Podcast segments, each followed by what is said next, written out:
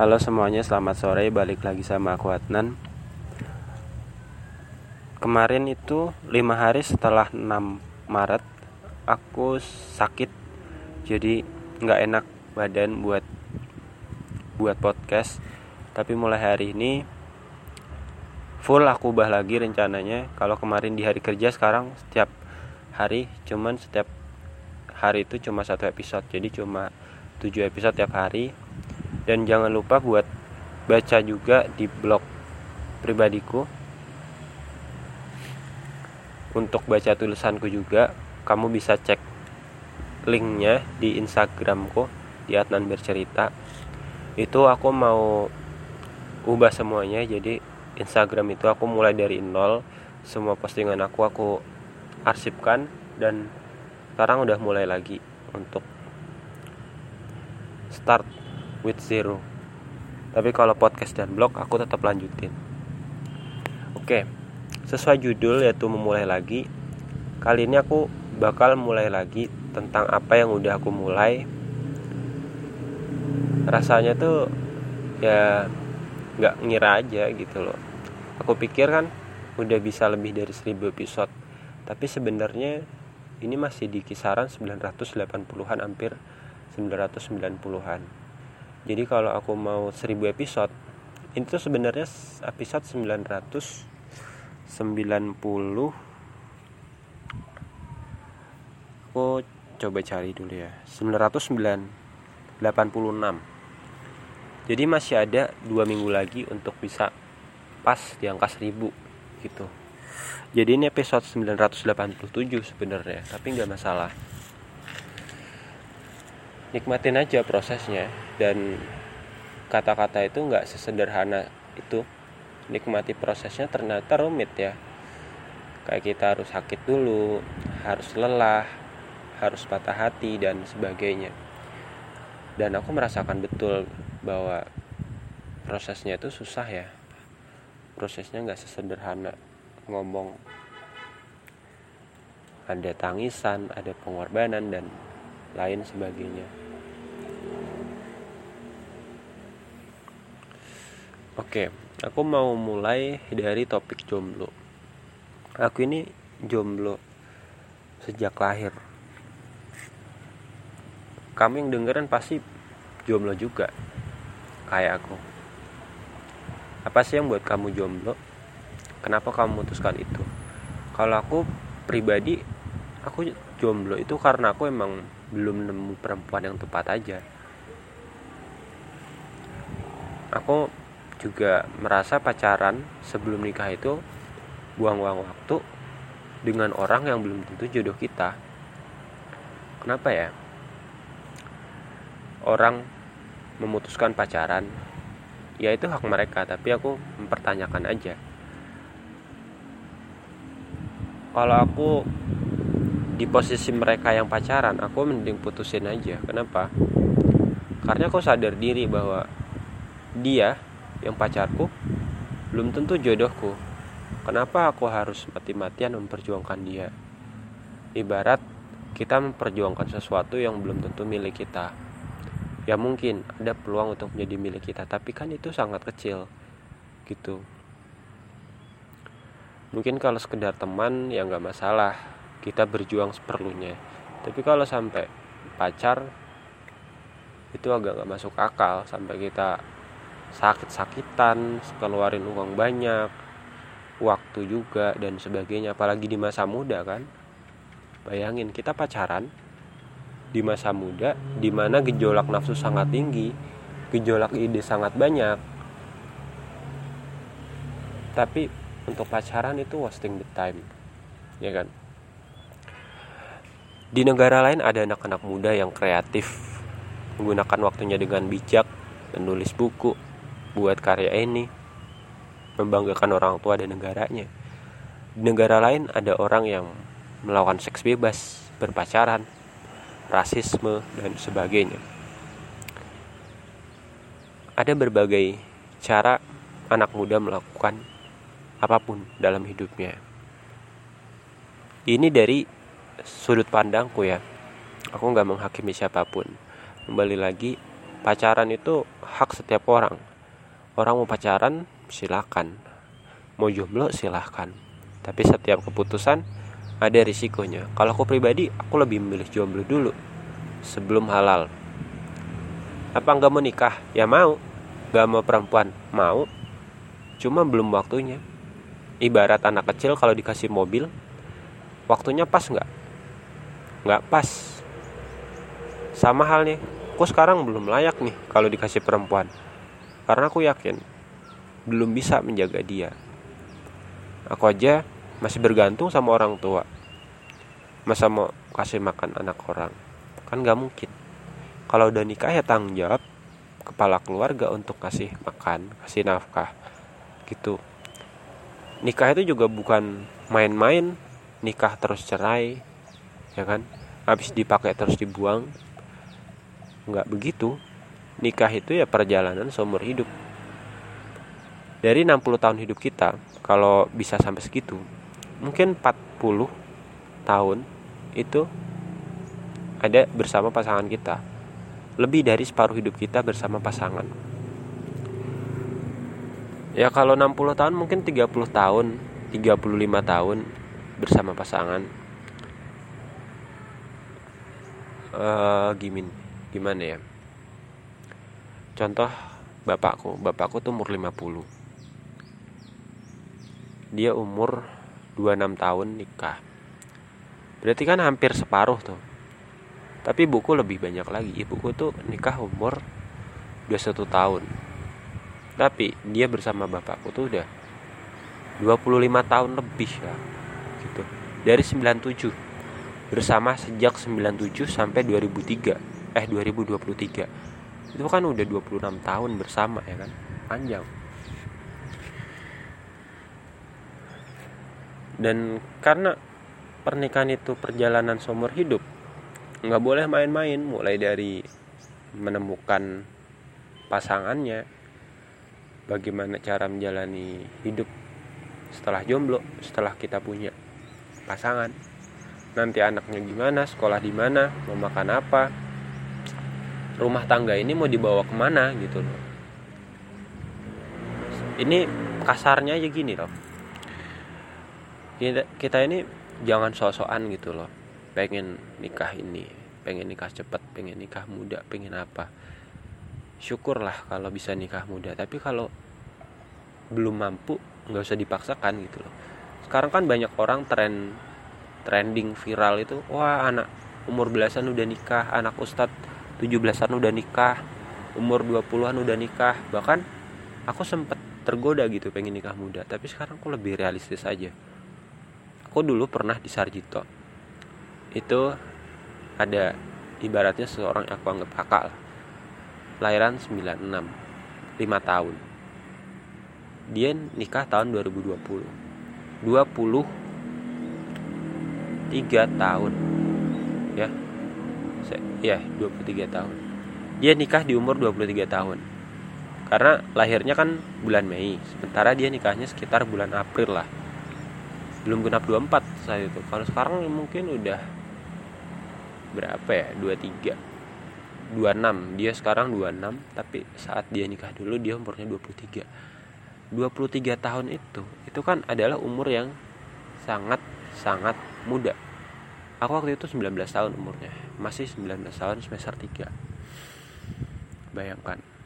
Dan ada juga ini dia juga tinggal satu atap denganku cowok lahiran tahun 99 nikahnya itu tahun 2021 kalau nggak salah. Bulan April kalau nggak salah. Bulan April. Jadi baru sekitar setahun lalu. Mungkin sekarang udah punya anak lah hitung aja itu kan umur 22 tahun bayangkan umur 22 tahun udah menikah aku sekarang udah mau 22 teman-teman eh 22 apa 23 ya dia eh bukan bukan dia nikah tuh tahun 2022 oh berarti sama 23 tahun juga aku sekarang umurnya mau 22 tanggal 20 Maret nanti 9 hari lagi 22 teman-teman setahun lagi sama kayak mereka kakak-kakakku 23 tahun. Nikah. Ya syukur kalau bisa nikah muda dimampukan kerjaannya apa rezekinya nafkahnya ada. Tapi kalau enggak kan ya mending gak usah dipaksa. Mending nunggu mampunya tapi jangan ketuaan. Aku itu punya target nikah habis S2 tapi ya nggak terlalu maksa juga sih nikah. Aku tuh rencana punya planning. Aku itu punya planning sidang skripsi itu nanti sekitar bulan Mei. Itu udah insya Allah lah dua bulan lagi aku sidang skripsi. Sekarang kok masih tahap menulis. Jadi kemarin itu kemarin banget Senin aku selesai ngelab ngelab terus aku sakit. Nanti seminggu ke depan aku mau nulis terus seminggu lagi revisi naskahnya habis-habisan. Baru dua minggu itu itu udah bulan puasa ya itu nulis jurnal. Jadi satu bulan ke depan aku bakal nyelesain naskahku. Baru nanti sebulan lagi untuk istirahat untuk kayak recovery healing fokus bulan Ramadan. Baru nanti tanggal 8 atau tanggal 1 lah aku bakal sidang skripsi doain ya doain semoga aku bisa sidang skripsi dengan lancar. Itu sidang skripsi bulan Mei dan aku wisuda kira-kira Agustus. Sekarang bulan Maret, mungkin lima bulan lagi aku bakal keluar, bakal out dari UGM secara terhormat, secara terhormat. Karena aku nggak melakukan kasus apa pun. Itu kan masih ada sisa 4 bulan tuh. Itu aku mau kerja biar dapat uang, dapat penghasilan, sama persiapan beasiswa LPDP syukur-syukur dapet nanti Januari aku mulai kuliah S2 Januari 2024 lah. Di kedokteran. Ya serius aku dari dulu tuh pengen banget kuliah di kedokteran FKKMK kalau di UGM namanya. Fakultas Kedokteran Kesehatan Masyarakat dan Keperawatan. Tapi bukan di kedokterannya itu. Ilmu kedokteran bukan. Bukan ilmu pendidikan dokter. Tapi lebih ke bidang farmasinya. Jadi FKKMK itu ada jurusan tentang farmasi juga kenapa aku milih kedokteran dibanding fakultas farmasi itu? Karena fakultas farmasi itu baru mulai kuliah itu sekitar bulan Agustus. Kalau aku wisudanya Agustus berarti aku baru bisa mulai S2 kapan? Setahun lagi dan itu lama banget aku nggak bisa nunggu selama itu. Jadi ya udah aku putuskan kemarin aku pengen ke fakultas kedokteran. S2 S3 insya Allah di sana terus dengan catatan beasiswa. Kalau nggak pakai beasiswa ya mungkin coba lagi tahun depan. Belum rezekiku kali ya gitu loh. Tapi aku bakal perjuangan banget lah. Dapat beasiswa PDP kerja dan sebagainya. Dan rencana aku nikah itu target ya doa. Itu habis S2 habis wisuda S2 kenapa? Karena dari segi psikologi sudah matang insya Allah dari segi finansial udah cukup udah mapan bisa ditabung uangnya lah untuk modal nikah untuk kehidupan selanjutnya S2 adalah usia yang mungkin ideal 24 25 dan itu masih terbilang muda. Buatku, aku bersyukur diciptakan sebagai laki-laki karena nggak ada batasan umur buatku nikah. Berbeda dengan perempuan. Perempuan kan ada tekanan yang lebih tinggi bahwa dia harus nikah lebih cepat gitu loh. Makanya wajar ketika laki-laki itu nikahnya sama perempuan yang jauh lebih muda 5 tahun, 6 tahun bahkan 10 tahun itu masih oke okay lah. Misalkan perempuan usia 22 tahun nikah sama laki-laki umur 32 tahun itu masih matching masih wajar tapi aku jarang dengar perempuan umur 40 tahun 30 tahun bahkan 50 tahun itu baru nikah tuh jarang tapi ada. Ya kembali lagi setiap orang punya ceritanya beda-beda punya kemampuan beda-beda.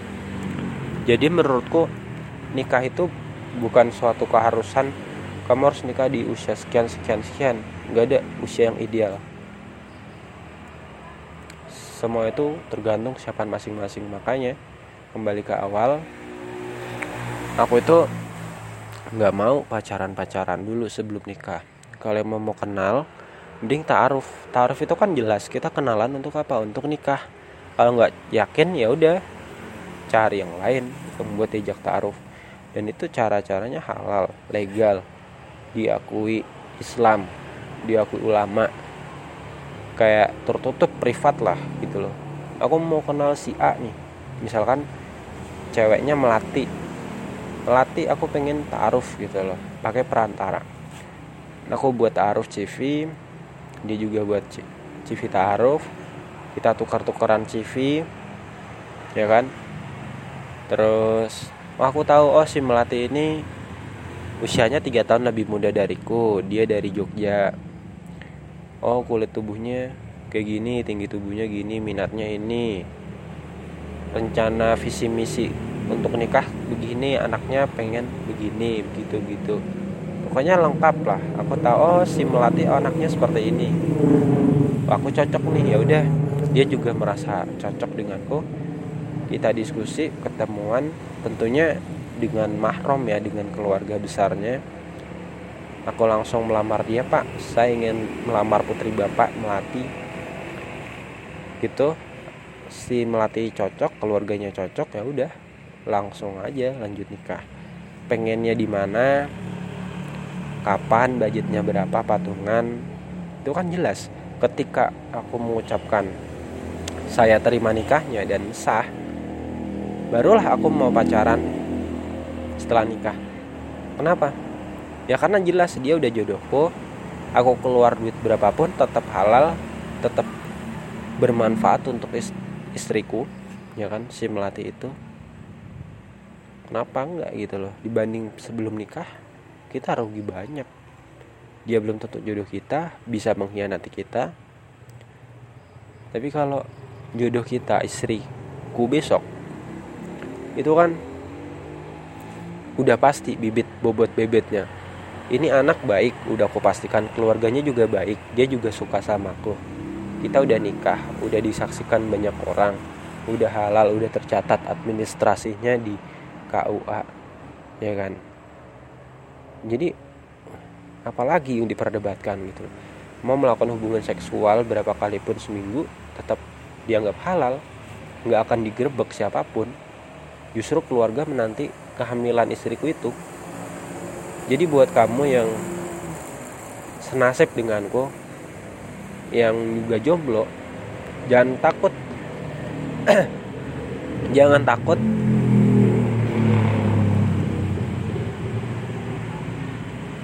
jangan takut nggak dapet jodoh. Setiap orang tuh ada jodohnya. Tinggal kita menjemputnya dengan bagaimana. Aku sendiri pengen jemput jodoh gitu dengan cara ta'aruf. Dengan cara yang halal. Dan seseorang perempuan yang dap yang bakal dapat suami seperti aku aku jamin dia akan beruntung. Karena apa? Karena aku udah berusaha meningkatkan kapasitas diri menjaga diriku untuk nggak pacaran untuk gak berzina aku berusaha banget untuk benar-benar jadi laki-laki yang soleh dan tanggung jawab. Menjalankan Islam dengan benar dan baik. Jadi ya termasuk aku aku juga bakal beruntung sih kalau dapat perempuan yang solehah yang baik penyayang sayang sama keluarganya keluargaku.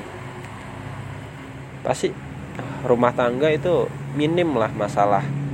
Kalaupun ada masalah ya pasti bisa diselesaikan dengan cepat dan baik-baik. Nggak perlu sampai berantem adu mulut sampai pukul-pukulan. Itu aku nggak mau kayak gitu.